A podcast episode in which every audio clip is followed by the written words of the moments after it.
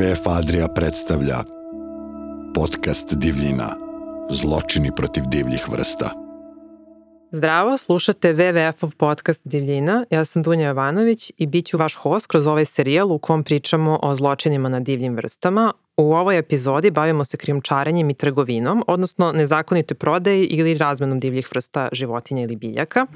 E sad, mnoge životinske vrste, to verovatno e, svi koji nas slušate znate, se prodaju kao kućni ljubimci, krijumčare se koriste se u medicini i konzumiraju se kao hrana, a zaštićene životinske biljne vrste se koriste i kao materijal za gradnju, a čini mi se da je i svima poznato da se delovi životinja e, upotrebljavaju iz izradu nakita ili aksesoara, kao što je slučaj sa slonovim klijovama znači ili krokodilskom kožom, na primjer, i kožom drugih životinja. E, neke vrste se iskorišćavaju u toj meri da trgovina njima može dovesti e, do ruba izumiranja i dokazano je da su neki oblici trgovine divljim životinjama povezani sa organizovanim kriminalom i korupcijom. E, tako da ćemo mi danas pričati o nacionalnim i međunarodnim regulativama i na koji način se sankcioniše ova vrsta zločina. moje gošće i jedan gost danas su Zrinka Damazetović, voditeljica službe za bioraznolikost pri Ministarstvu gospodarstva i održivog razvoja Republike Hrvatske. Zdravo Zrinka. Zdravo. E, Vida Posavec Vukilić iz Zavoda za zaštitu okoliša i prirode pri Ministarstvu gospodarstva i održivog razvoja Republike Hrvatske. Zdravo Vido.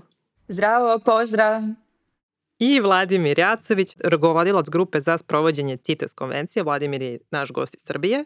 Ćao. E, hvala vam svima što ste izvojili vreme da pričamo o ovom, ovoj bitnoj, a čini mi se nedovoljno zastupljenoj temi kod nas regionalno, tako da ćemo mi dakle pokušati ovdje da objasnimo ljudima ovaj, kako kod nas funkcioniše krijumčarenje i trgovina na divljim vrstama i šta mi sve možemo da uradimo da joj stanemo na put da sprečimo te stvari. Evo prvo jedno pitanje za vidu, koja je razlika između krijumčarenja i nezakonite trgovine?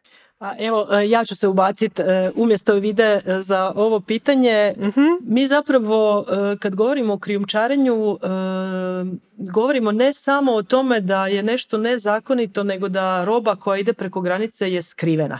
Znači, govorimo o onom, ono što se kod nas kaže, ajmo reći i šverc. Znači, kada, kada nije samo da nedostaju nekakvi papiri, e, nego je situacija da se pokuša svjesno i namjerno sakrit e, ta roba za koju onaj koju je nosi zna da ju ne bi smio e, nositi. To je, znači, krijumčarenje. Za razliku od toga imamo nezakonitu trgovinu koja s jedne strane ne mora biti preko granice, znači može biti unutar države i onda ako je unutar države, znači uključuje nekakve nezakonite zakonite aktivnosti s divljim vrstama, a ako je preko granice e, ne mora uključivati to da je roba sakrivena, znači ne mora se nužno raditi o krijumčarenju, može se raditi o tome da osoba nešto nosi za što treba imati određene dozvole, a nema ih.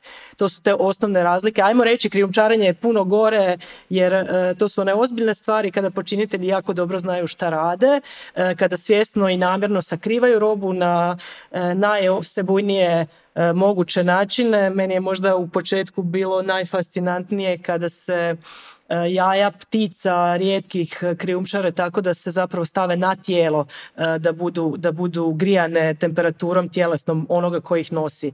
Ali tu postoje baš najrazličitiji osebujni načini kako se roba sakriva, odnosno te divlje vrste bez obzira da li se radi o živim ili, ili mrtvim primjercima ili nekim derivatima kako se sakrivaju da bi se neopazice zapravo prenijele preko granice. Hajde da pomenemo šta je to CITES konvencija i zašto je ona važna kada pričamo dakle, o krijomčarenju i trgovini. Vido, hoćete vi? Evo, mogu. E, CITES konvencija je, CITES je u stvari kratica od e, punog naziva konvencije o međunarodnoj trgovini ugroženim vrstama. A važna je zato što predstavlja međunarodni zakonski okvir kojim se trgovina tim vrstama kontrolira i regulira. A kako se kontrolira i regulira e, kontrolira se izdavanjem uvoznih i izvoznih dopuštenja znači ta dopuštenja su u stvari potvrda i dokaz da su svi ti naši primjerci divljih životinja i biljaka e, zakonito stečeni i ono što je puno bitnije da su e, uzeti iz prirode na održiv način da se dakle iskorištavanje divljih vrsta E, za naše potrebe da se time nije narušilo očuvanje tih divljih vrsta u prirodi.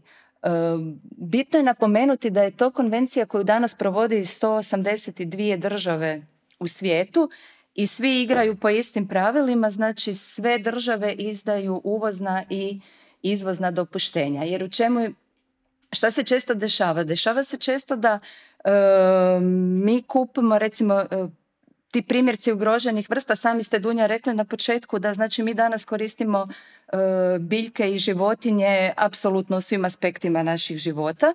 A često nismo niti svjesni koliko, koliko smo povezani, koliko su bitni za naš život. I uzimamo to na neki način zdravo za gotovo.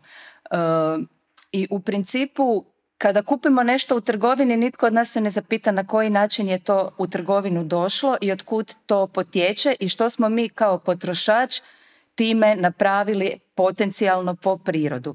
A, da se ne zavaravamo, CITES iako pričamo o ugroženim vrstama, mislim, fokus je na trgovini i trgovcima je naravno glavni motiv zarada. Dakle, e, sve što dođe u trgovinu e, kada ide u međunarodni promet e, treba imati nekakvu potvrdu da je došlo zakonito, da je došlo e, legalno i u stvari je ključna poanta samog cites da se iskorištavanje tih e, divljih vrsta, znači da je održivo, da postoji ta jedna sljedivost, dakle da se svaki primjerak koji mi kao krajnji kupac, kao krajnji potrošač dobijemo, da, da možemo pratiti dakle sve korake od kud taj primjerak potječe, dakle gdje je sve bio i ono što je najvažnije da je ta trgovina u skladu sa zakonom. Tako, dakle, trgovina će postojati, samo je bitno da je pod određenim pravilima. Upravo to. Trgovina i iskorištavanje divljih vrsta će uvijek postojati zato što smo mi neraskidivo, mi smo ovisni o prirodi. Tako je. Životinski resursi, riblji fond, e, divlje vrste, drvo. Dakle, mi drvo danas, koliko god je čovjek e, kroz stoljeća te divlje vrste e, uveo u uzgoj i velik dio toga se danas uzgaja, udomaćeno je jako puno toga. Međutim, još uvijek je većina toga direktno iz prirode. Čak i ono što danas mi kupujemo ukrasno bilje, na primjer, možda je to dobar primjer. E, kupujemo različite kultivare, kupujemo e, biljke u trgovini, ali i dalje su to sve primjerci koje je čovjek uzgojnom selekcijom stvorio od nekakve biljke koju je uzeo iz divljine i onda kroz e, selektivni uzgoj dobio E, te sve neobične oblike koje mi u konačnici kupujemo u, u trgovini. E, hvala, da, ovo je baš bio super odgovor. Um, Vlado, vi ste ovdje u Srbiji direktno iz CITES-a i sada vi se dakle bavite davanjem tih dozvole, tako, pa koje se... izdavanjem, Da, izvinjavam se, izdavanjem dokumenta. recite mi šta se najčešće krijumčari u koje svrhe? To je verovatno našim slušalcima zanimljivo. E, verujem, situaciju u Srbiji kao tranzitnoj zemlji.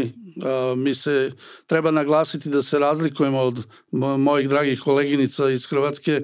Oni se nalaze u jednom sistemu ovaj, e, koji je sistem Evropske unije.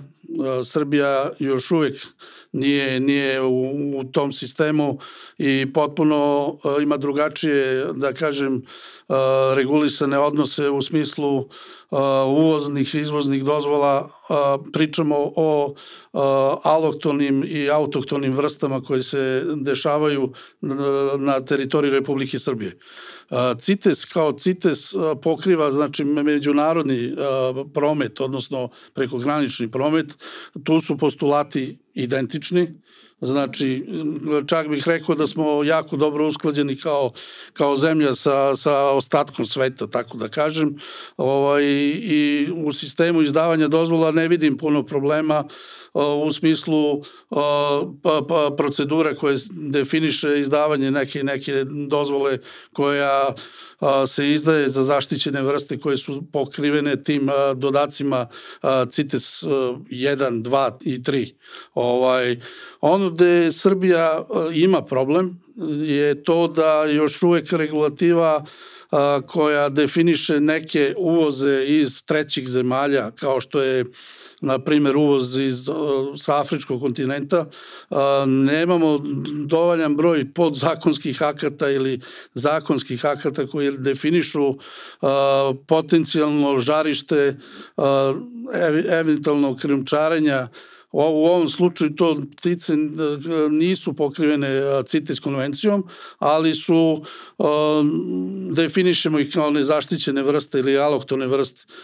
Mi imamo puno puno ovaj problema u smislu toga što nas problem prepoznaje kao tranzitnu zemlju za, za tokove nekog krijumčarenja i tako dalje nadam se da, da postoji dobra volja u, državi da, da, da se donesu još neka podzakonska akta koja uređuju tu oblast. ono gde mi možemo kao CITES kancelarija da dejstvujemo je da, da pratimo trendove, da, da jednostavno dajemo određene izvešte u saradnji sa, sa međunarodnim organizacijama koje prate tokove krijumčarenja i tako dalje.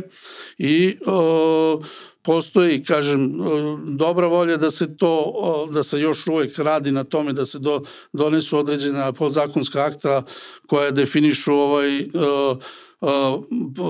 bliže odnos prema, prema takvim pokušajima uvoza naš, naš e, problem je i naravno delimično e, devastiranje autoktone e, faune različitim vidovima krivolova koji se dešavaju ovaj, uglavnom u, sa pticama gdje do, dolazi do, do jako velikih problema u nezvaničnom lovu da kažem ovaj koji koji se dešava na teritoriji Vojvodine uglavnom ovaj to je poznati slučaj sa sa italijanskim lovcima i tako dalje ovaj gde, dolazi do do devastacije određenih populacija i tako Čekajte, znači dolaze lovci iz Italije. Jeste, ovaj- imaju, poziciju, to se zove lovni turizam, takozvani, a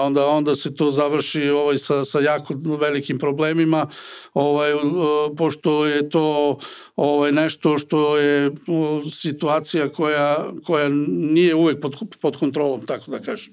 Ovaj, ima, kažem, dosta problema i u prekograničnom prometu u smislu pokušaja, znači, tranzitovanja kroz Republiku Srbiju ili preko Republike Srbije različitih situacija, različiti su motivi od organizovanih krijumčara koji ovaj Zrinka je to rekla ovaj da je to jedan opšti da kažemo opšti problem koji koji traži jednu uh, analitiku uh, i, i poznavanje uh, tokova krijumčarenja znači ovaj u celoj toj poziciji a imamo i pokušaja Eh, ajde kažem eh, eh, pojedinačnih koji, koji se ne mogu podvesti pod pokušaj krijumčarenja znači uglavnom su neki kućni ljubimci koji, koji nemaju prateću dokumentaciju pojavljuje, pojavljuje se problem nepoznavanja propisa šta je potrebno da bi, da bi, da bi određene zaštićene vrste mogle da, da, da, da se prometuju i tako dalje. A kod nas u, u regiji kućni ljubimac može da bude od mačke do krokodila dela. Na, na, nažalost, ništa nismo drugačiji od ostatka sveta. Ovaj, regiju smatram, eh, regiju Zapadnog Balkana i, i ove naše eh, prijateljske zemlje koje su u Evropskoj uniji i tako dalje, ovaj, eh, postoji znači, opšti, opšti trend tih tokova krijučarenja od različitih vrsta gmizavaca, malih reptila, ne znam, Redko je očekivati baš da se pojave crni panteri i, ovaj, neke takve situacije, ovaj, ali... ali ovaj, Ali dešavalo se, da. Dešavalo se ali ovaj, postoji znači jedan opšti ili, ili uobičajni postulat ponašanja putnika u prekograničnom prometu sa zaštićenim vrstama, a to je da, da se uglavnom kad su kućni ljubimci u pitanju dešava nepoznavanje ovaj propisa. Tako da mi imamo dosta veliki taj da kažem upliv na, na graničnim prelazima da na, nama uprava carine kontroliše u integrisanom sistemu kontrole granica promet zaštićenih vrsta. Nažalost, naši inspektori zaštite životne sredine nisu na, na graničnim prelazima, tako da se oslanjamo malo na, na, na poznavanje ili iskustvo carinskih organa. A zašto nisu? A, to je preporuka od 2007. znači bila da, da službe ili inspekcije koje rade ovaj problematiku da kažem kontrole prometa budu objedinjene znači tad je strategija integrisanog upravljanja prvi put doneta u nekim ajde da kažem ne mogu da kažem formalnim ili neformalnim situacijama, ali uglavnom je neke nadležnosti koje e, je imala inspekcija za zaštitu životne sredine do 2007. godine prenete su na upravu za veterinu i upravu carine. Tako da Imamo tu još uvijek, još uvijek lebdimo što se kaže ovaj, u smislu kontrole objektivno dobre zaštite ovaj, graničnih prelaza, ali, ali eto, rastemo šta drugo da kažem. Da, e, da, da. Radi se na tome. E, Zrinka, Vlada je sada pomenuo dakle, kako funkcioniše to kod nas i pa zanima me e, dakle, kako, kako je Hrvatska da kažemo naprednije u odnosu na Srbiju u, u, u pitanju dakle, ovih zakona i kako celokupna naša regija ima da kažemo neki značaj na, toj, na tom tržištu, crnom tržištu divljih vrsta?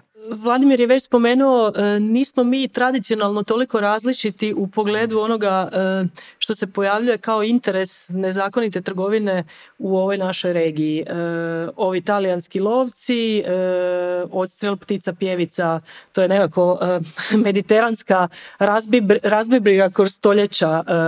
Da li je to zbog lova za konzumaciju kao hrana ili zbog hvatanja u Hrvatskoj možda više hvatanja hvatanja tih ptica na grozan način, one se zapravo love ljepilom, e, se premažu grančice da se ptica zapravo zaljepi kad sleti e, na granu i onda se takva e, uzme iz prirode i drži kao, ne znam, kućni ljubimac, odnosno za, za uzgoj i, i lijepi pjev.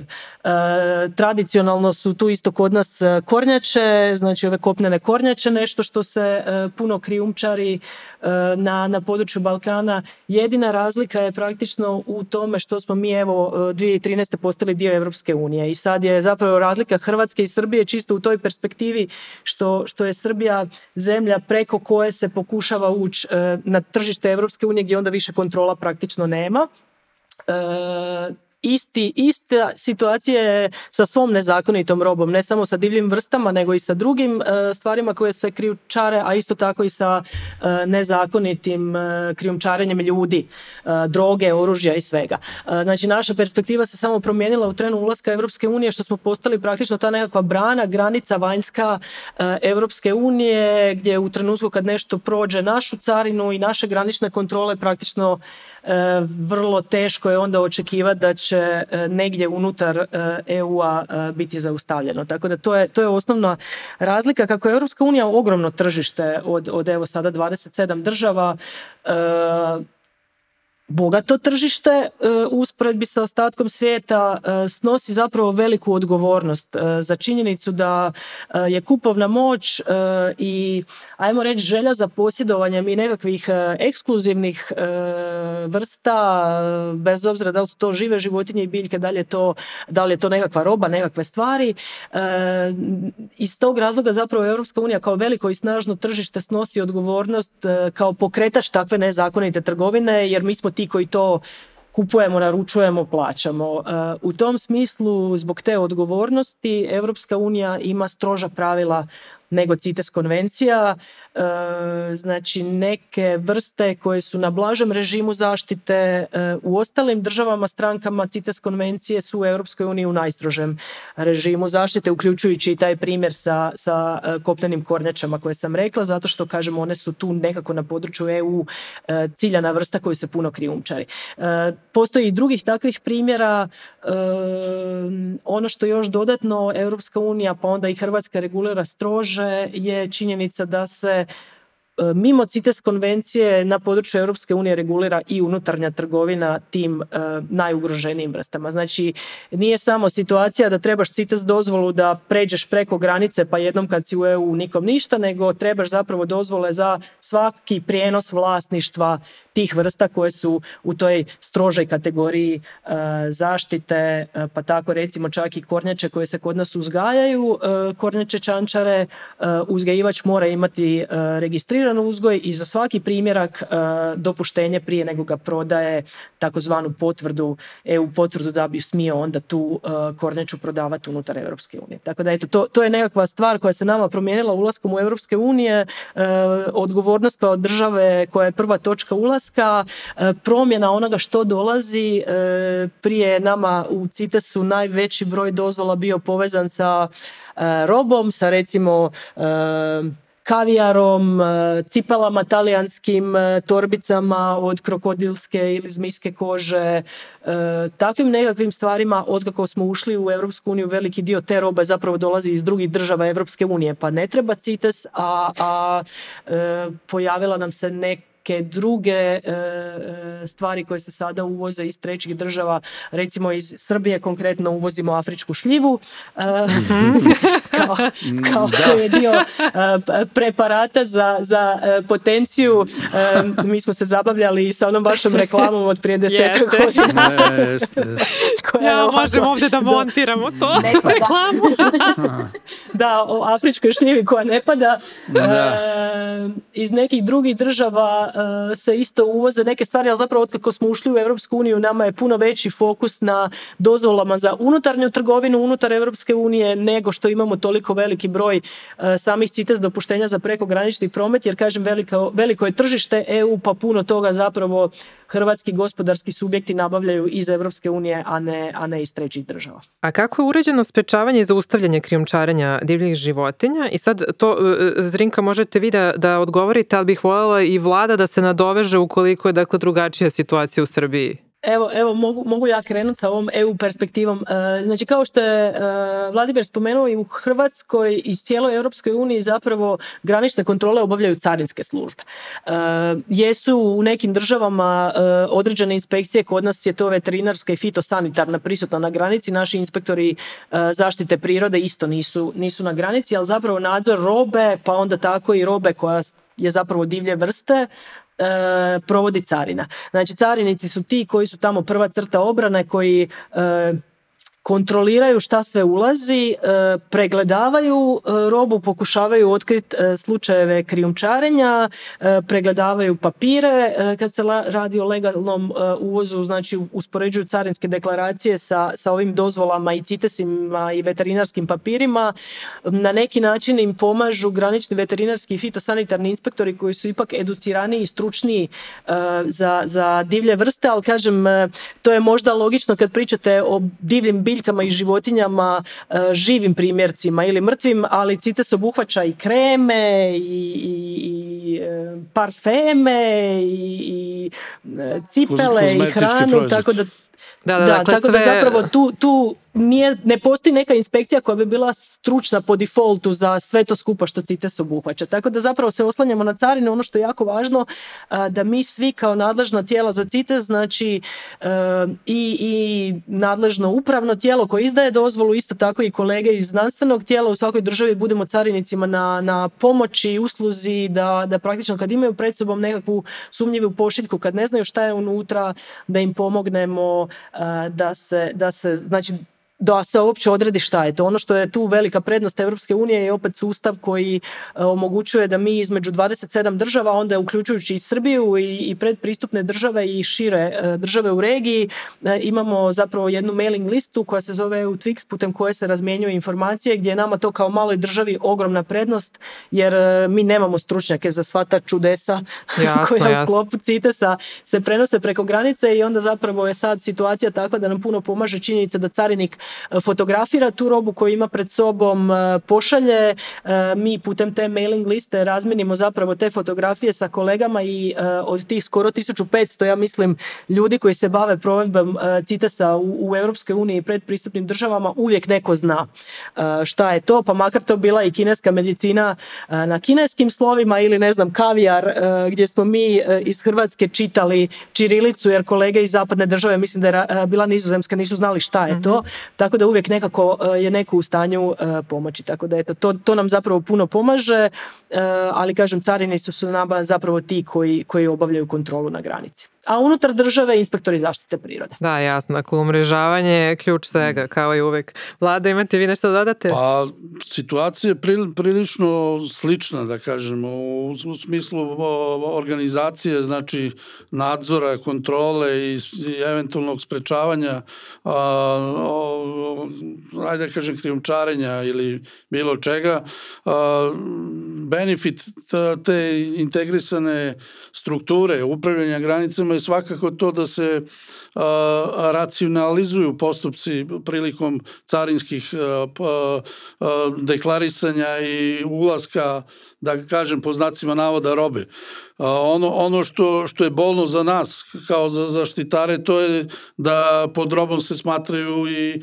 i zaštićene vrste i njihovi delovi derivati Zrinka je sad to apostrofirala afričku šljivu koja se zaista pojavila na tržištu kao Appendix 2 ovaj, u situaciji da se zaista reklamom prvo pojavilo u Republici Srbiji pa se onda regionalno raširilo kako trgovina nalazi svoje tokove tako se pojavili u Hrvatskoj i u Bosni i u Makedoniji i u, u svim da kažem bivšim republikama i tako dalje.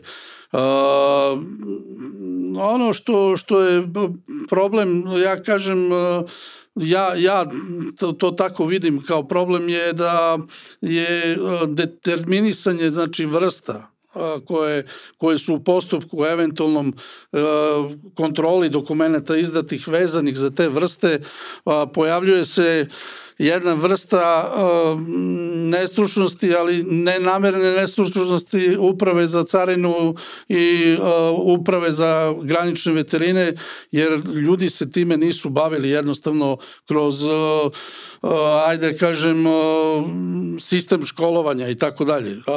Naravno, od mase tih ljudi koji kontrolišu promet te robe, oni su svojim iskustvom, radom, obukama koje smo mi sprovodili do 20. godine intenzivne obavke za carinske organe, za graničnu veterinu i tako dalje, davali određene, određene impulse da, da, da se ljudi koji se bave kontrolom prometa robe dobro informišu vezano za vrste, da koriste alate, ovo što je Zrinka rekla, komunikacija, slikanja mobilnim telefonima, ajde kažem naprednim tehnologijama koje se sad koriste u, obradi određenih situacija koje izazivaju ovaj neku neku postoji ovaj dosta dobra da kažem saradnja vezano za, za transfer tih informacija do upravnog organa za sprovođenje CITES konvencije koji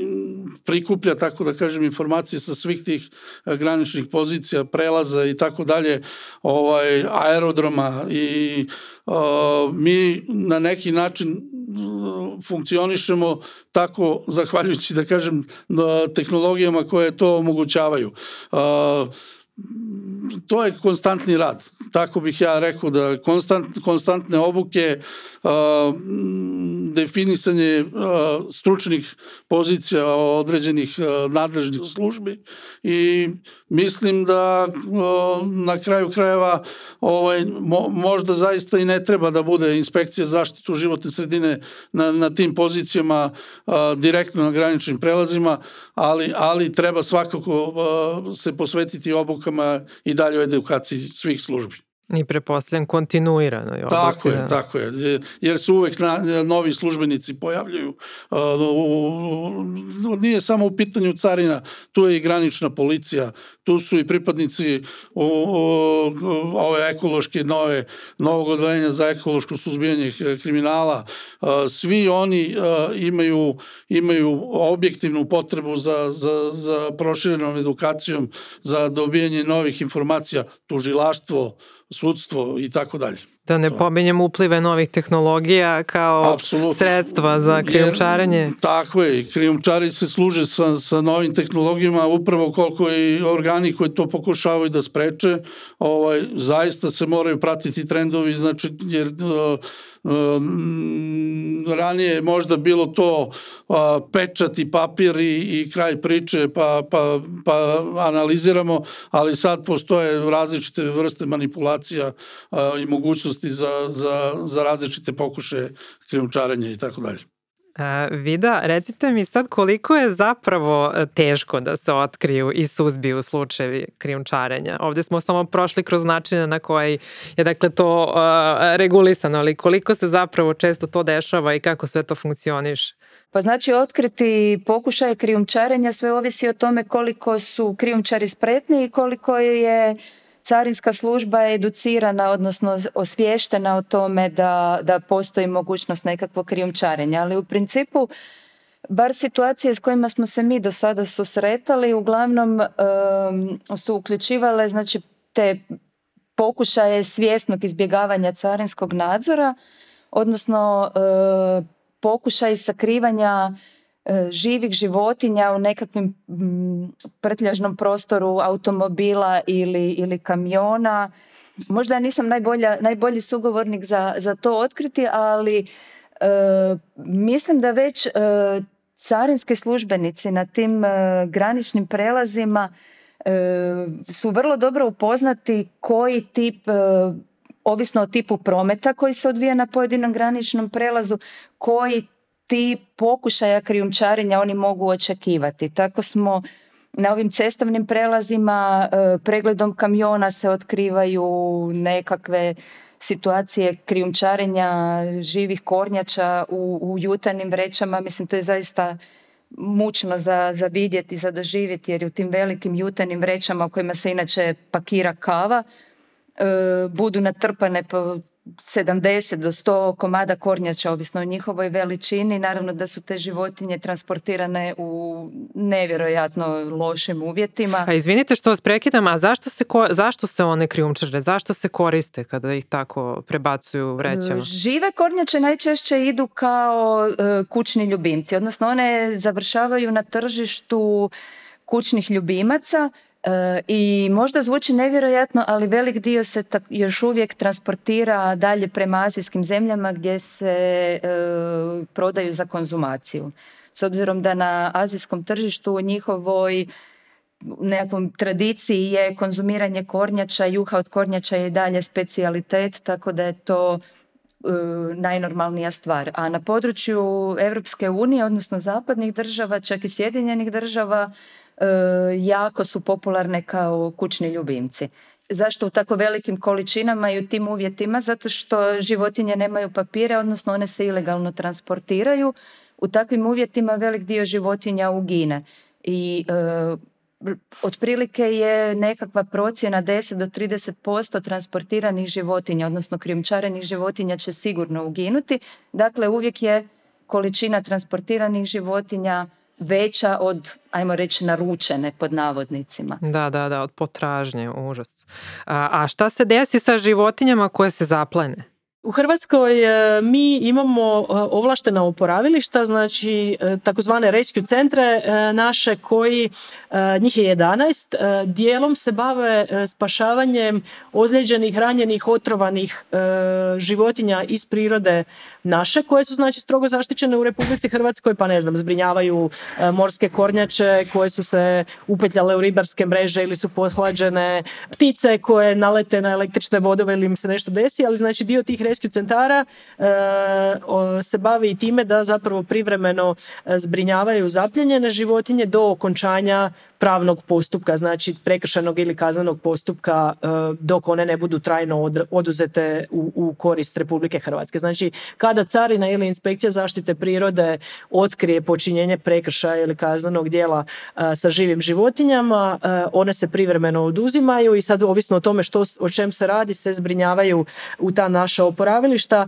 E, recimo primjer oporavilišta su nam i zoološki vrtovi u Zagrebu i u Osijeku, ali i nekakve oporavilišta koje su zapravo osnovane od strane udruga e, koje se bave e, zaštitom i liječenjem životinja i onda te životinje i zapljenja zapravo u tim oporavilištima čekaju e, okončanje postupka u trenu kad su one trajno oduzete sudskom presudom postoji vlasništvo Republike Hrvatske i mi dalje s njima praktično raspolažemo. E sad, e, tu je onaj bolni dio procesa, znači ovo što je Vida spomenula, znači te životinje e, uzimajući u obzir koliko će ih uginut, kao prvo dolaze nekad u vrlo teškom stanju. Evo ja se sjećam e, zapljene od prije već više od deset godina kad smo imali, ja mislim 250 kameleona od veličine 2 cm e, do 20 cm i bilo je 10 ili 12 kornjača. Zapravo su vrijedni dio pošiljke bile te kornjače, skupe, E, madagaskarske kornjače, ali kameleoni su onako e,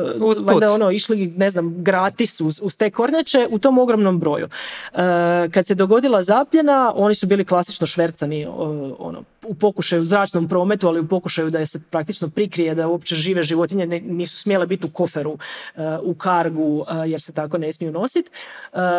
Kornjače su preživjele sve, međutim smrtnost među kameleonima ja mislim da ih nije preživjelo valjda jedna trećina e, od tog ukupnog broja uz naše maksimalne napore da uopće nađemo gdje ćemo smjestiti takve životinje. Ono što je tragično, e, kad vi na kraju takvu životinju, e, veliki dio tih životinja se zapravo nekako po putu opere u legalnu trgovinu i završe u, u legalnim pet shopovima, ako, ako se radi o neodgovornim e, vlasnicima takvih dučana koji ne paze odakle te životinje e, dolaze. Vi ćete kupiti životinju koja će izgledati lijepo e, tamo gdje je, nećete imati svijest o tome da je ona došla iz nekakve azijske ili afričke države u potpuno nehumanim uvjetima, da je došla sa pošiljkom koje je ono dvije trećine životinja pougibalo, da je bilo izloženo ogromnom stresu, da ne znam u pet ili deset dana ili dva tjedna od kad je izlovljena niko ju nije ni hranio, ni, ni davao vode.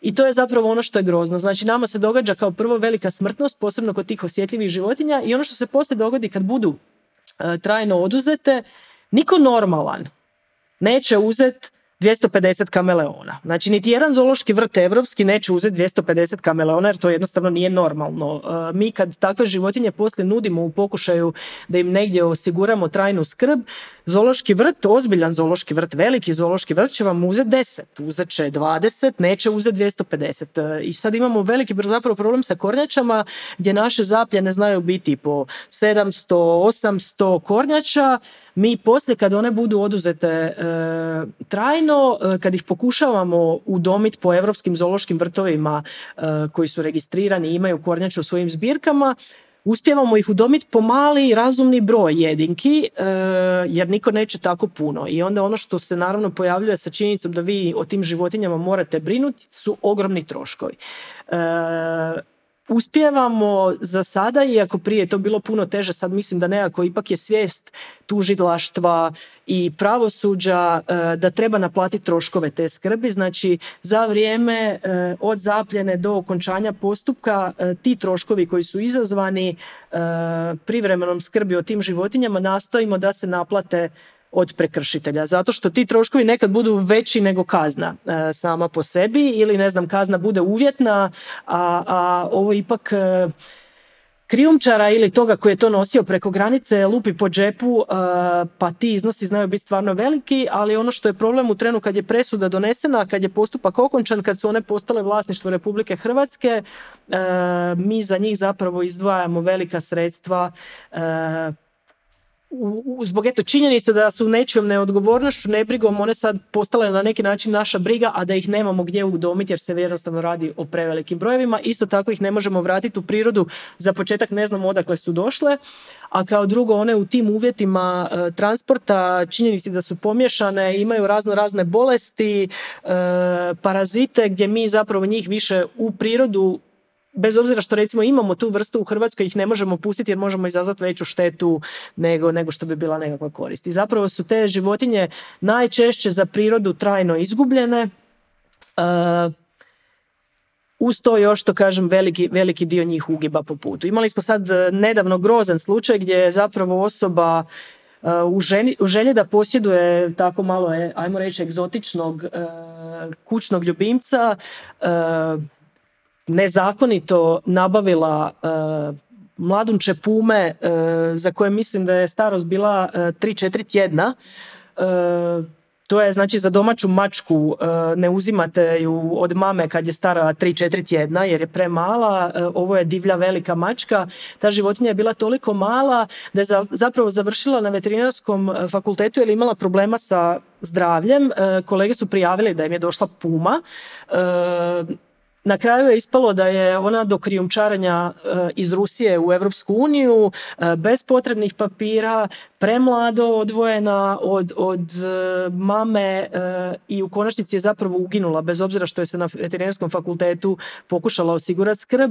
I sad ja ne znam kako se osjeća osoba koja je zbog želje da posjeduje pumu na kraju uzrokovala to da ta životinja tako mala ugine zato što je zapravo u groznom uvjetima i prerano odvojena da bi bila dovoljno mala da ju se može sakriti. Jer je naravno lakše e, trotjednu pumu prešvrcati preko granice nego životinju koja bi imala šest mjeseci. Znači, očajne se stvari zapravo rade e, tim e, živim životinjama tijekom transporta i prodaje uz ono što je zapravo velika šteta po prirodu iz, iz tih država gdje se one e, nezakonito uzimaju iz prirode. Da, ja se nadam da ćemo ovakvim pričama malo da dignemo svest i probudimo empatiju ovaj, kada, kada su ovakve teme u pitanju. Vlado, koji su dodatni koraci i ove ovaj, potrebe kako bi se krijemčarenje smanjilo? Pa ja, ja bi to pitanje podelio na, na, na dva dela, tako da kažem, na, na stručnu javnost ili stručne službe i, da kažem, institucije koje se bave, gde svakako postoje elementi i međunarodni elementi koji, koji se primenjuju da bi se ojačale te službe koje, koje bi mogle da, da, da pojačaju, da kažem, efekat nekog e, normalnijeg pristupa, nekog neposrednijeg pristupa ovim problemima i drugi, drugi deo priče je neka, neka opšta svest ili opšta javnost ovaj, koja definiše određene e, kategorije ljudi koje se, da kažem, e, bave e, držanjem uh, životinja uh, ne mogu da, kažem da, da su sve kategorije ljudi uh, u tom smislu nesvesne postoje organizacije koje, uh, koje pružaju zaista izvaredno dobre uslove svojim kućnim ljubimcima mada ja to lično ovaj, ne, ne, ne klasifikujem kao neku dobru poziciju držanja životinja kao kućnih ljubimaca. Možda je malo ekstremno, ali, ali to je moje razmišljenje i tako dalje. Pogotovo to se misli na divlje, divlje, tako, da. divlje, divlje vrste, naravno. Ovaj, ali kažem, generalno ta, ta dva pravca treba dejstvovati kroz ovakve, ovakve emisije da se utiče na svest ljudi u opštem formatu da, da se prepoznaju znači ono šta se može raditi sa životinjama u, u merama propisanim okvirima, zakonskim okvirima, eh, kakav, kakav obrazac ponašanja čovjek treba sebe prilagoditi životinje, ne, ne životinje prilagođavati ljudima i tako dalje. Ovaj, e, što se stručnih službi tiče, mi kao država Republika Srbija sproveli smo niz nekih e, mera koje, koje smo dobili kao element podrške EU-a. Neki imali, imali smo twinning e, projekat još koji je završen 2014. godine u jačanju kapaciteta znači službi E, tehničke podrške, pribavljanju vozila specijalne namene i tako dalje. E, sproveli smo niz obuka za različite e, zainteresovane službe koje učestvuju u procesu znači kontrole ne samo prekograničnog prometa već i unutrašnjeg prometa zaštićenih vrsta, znači obuke sa tužilaštvom, sa policijom, sa carinom. Imali smo i obuke sa organima koje su nadležne za sprovođenje CITES konvencije, u ovom slučaju bila je italijanska, ovaj, italijanska služba koja se bazira kroz njihovu deo njihovih nadležnosti policije, njihovih karabinjera i tako dalje. Ovaj tako da treba stalno raditi, stalno raditi. Postoje elementi koji su propisani, koji koji su napisani, koji su predviđeni, ali e, ljudi e, u u praksi redko kad e, koriste sve te elemente kako, kako je protokolima propisano. Tako da treba stalno raditi. Mislim, to, to je neki, neki možda i teži deo posla sa kapacitetima, jer ovo je realno pocenjena oblast u, u svim segmentima ovaj društva vezano za E, pozicioniranje e, kriminalnih radnji prema divljim vrstama nije na visokom nivou svesti ni u jednom društvu. Rekao bih čak i u visoko razvijenim e, društvima kao što je Evropska unija postoji strukturna jedna, jedna kategorizacija šta je, šta je veći kriminal, a šta je manji kriminal. Nekako nam po, po samoj svesti dođe ovo neka blaža vrsta kriminala što zapravo nije. Ali, ali mi ovaj, kažem treba treba objediniti tako neko, neko, neki ljude koje koje koji se bave ovom oblašću, treba ih stimulisati, postitati da, da prave, prave pristupnije programe za, za, šire populacije, da bi, da bi to došlo u neki etar, tako da, da možemo i malo sa, sa te druge pozicije da interesantnije i dostupnije ovaj reagujemo prema, prema, prema ostatku ovaj ljudi koji se ne samo bave, kažem, držanjem životinje, nego u opštem formatu. To je, to su otprilike, kažem, nastaviti sa, sa, obukama, konkretno sa, sa ojačavanjem službi i širenjem te baze zainteresovanih osoba koje se bave ovom problematikom. I evo jedno pitanje za kraj za sve u principu šta evo ja kao građanka mogu da uradim, na primjer ako vidim na društvenim mrežama da se neko bavi prodajom e, divljih vrsta, što nije redka e, stvar, dakle nailazila sam, nailazila, nailazila sam na pitanje na forumima gde ljudi zapravo traže pravne savete kako da uvezu krokodile, zmije i slično. E, šta ja kao građanka u tom slučaju mogu da uradim? Pošto sam primetila da, na primer, ljudi prijavljaju takve profile društvenim mrežama, a ne zapravo nadležnim institucijama. Pa evo ja mogu reći možda kakva je situacija u Hrvatskoj. E, znači naša inspekcija zaštite prirode e, ima jako dobru suradnju i sa oglasnicima Eh, koji su bazirani tu u Hrvatskoj eh, i sa policijom tako da uspijevaju zapravo doći do podataka o vlasniku oglasa, odnosno onome koje je oglas eh, objavio to je možda i najlakše za otkrivanje jer e, ljudi stvarno svašta oglašavaju i nekakvim pretragama internet oglasnika se stvarno svašta može naći.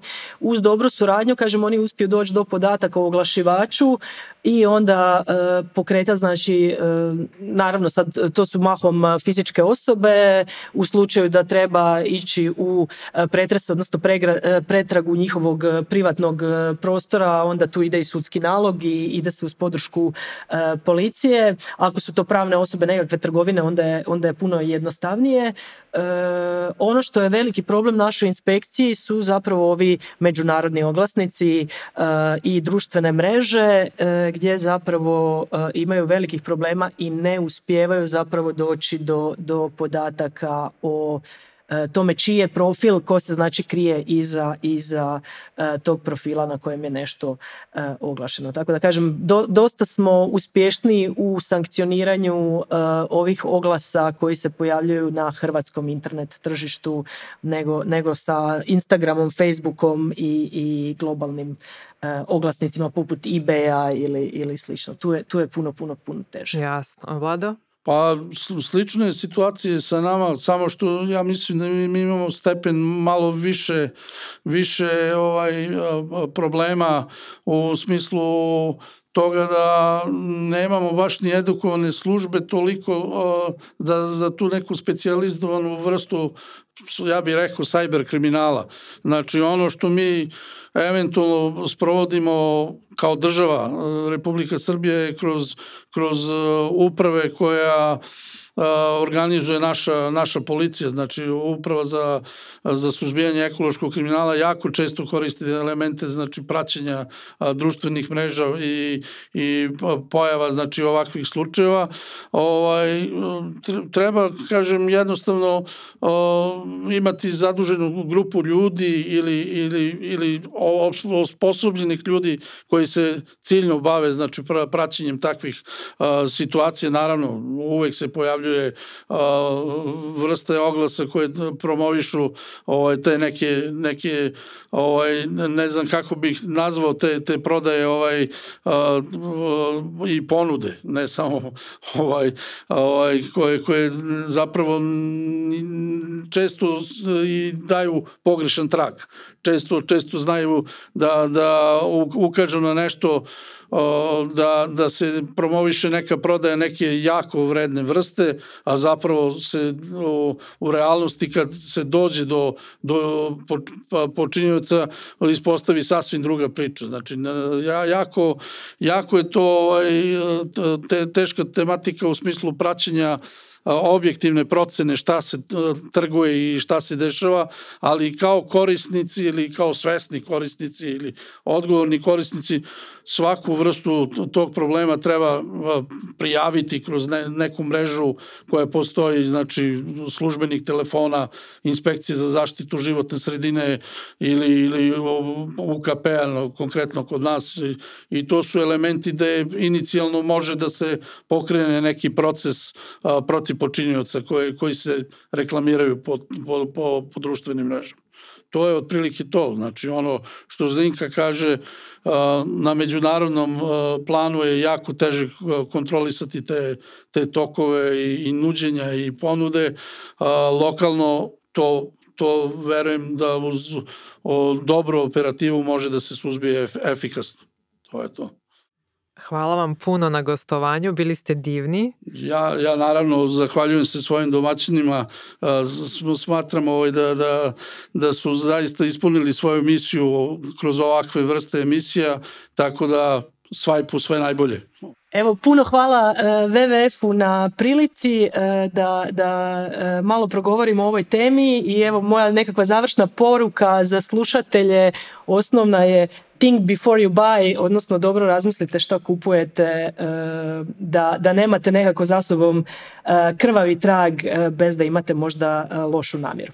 Hvala puno i hvala projektu e, Swipe na, na mogućnosti da pričamo o ovoj važnoj temi. Evo i od mene zahvala WWF-u na pozivu i mogućnosti sudjelovanja u ovoj emisiji. Bili ste divni domaćini i kao što je Zrinka rekla think before you buy i od mene samo kratka poruka ljudi informirajte se o tome što kupujete i gdje kupujete kako ne bi zbog neznanja postali e, trgovci ilegalnim primjercima, odnosno bili uključeni u nekakav e, lanac ilegalne trgovine divljim vrstama. Hvala i lijepi pozdrav svima. Meni se čini da smo dali slušalcima dovoljnu dozu korisnih informacija. E, vidjet ćemo da možda ostavimo i te kontakt telefone kojima mogu da se obrate e, građani ukoliko primete neku ilegalnu vrstu reklamiranja, dakle prodaju ove ovaj, divljih zaštićenih vrsta. Vi nas slušate i u sljedećoj epizodi podcasta Divljina gdje ćemo i dalje pričati o zločinima na divljim vrstama.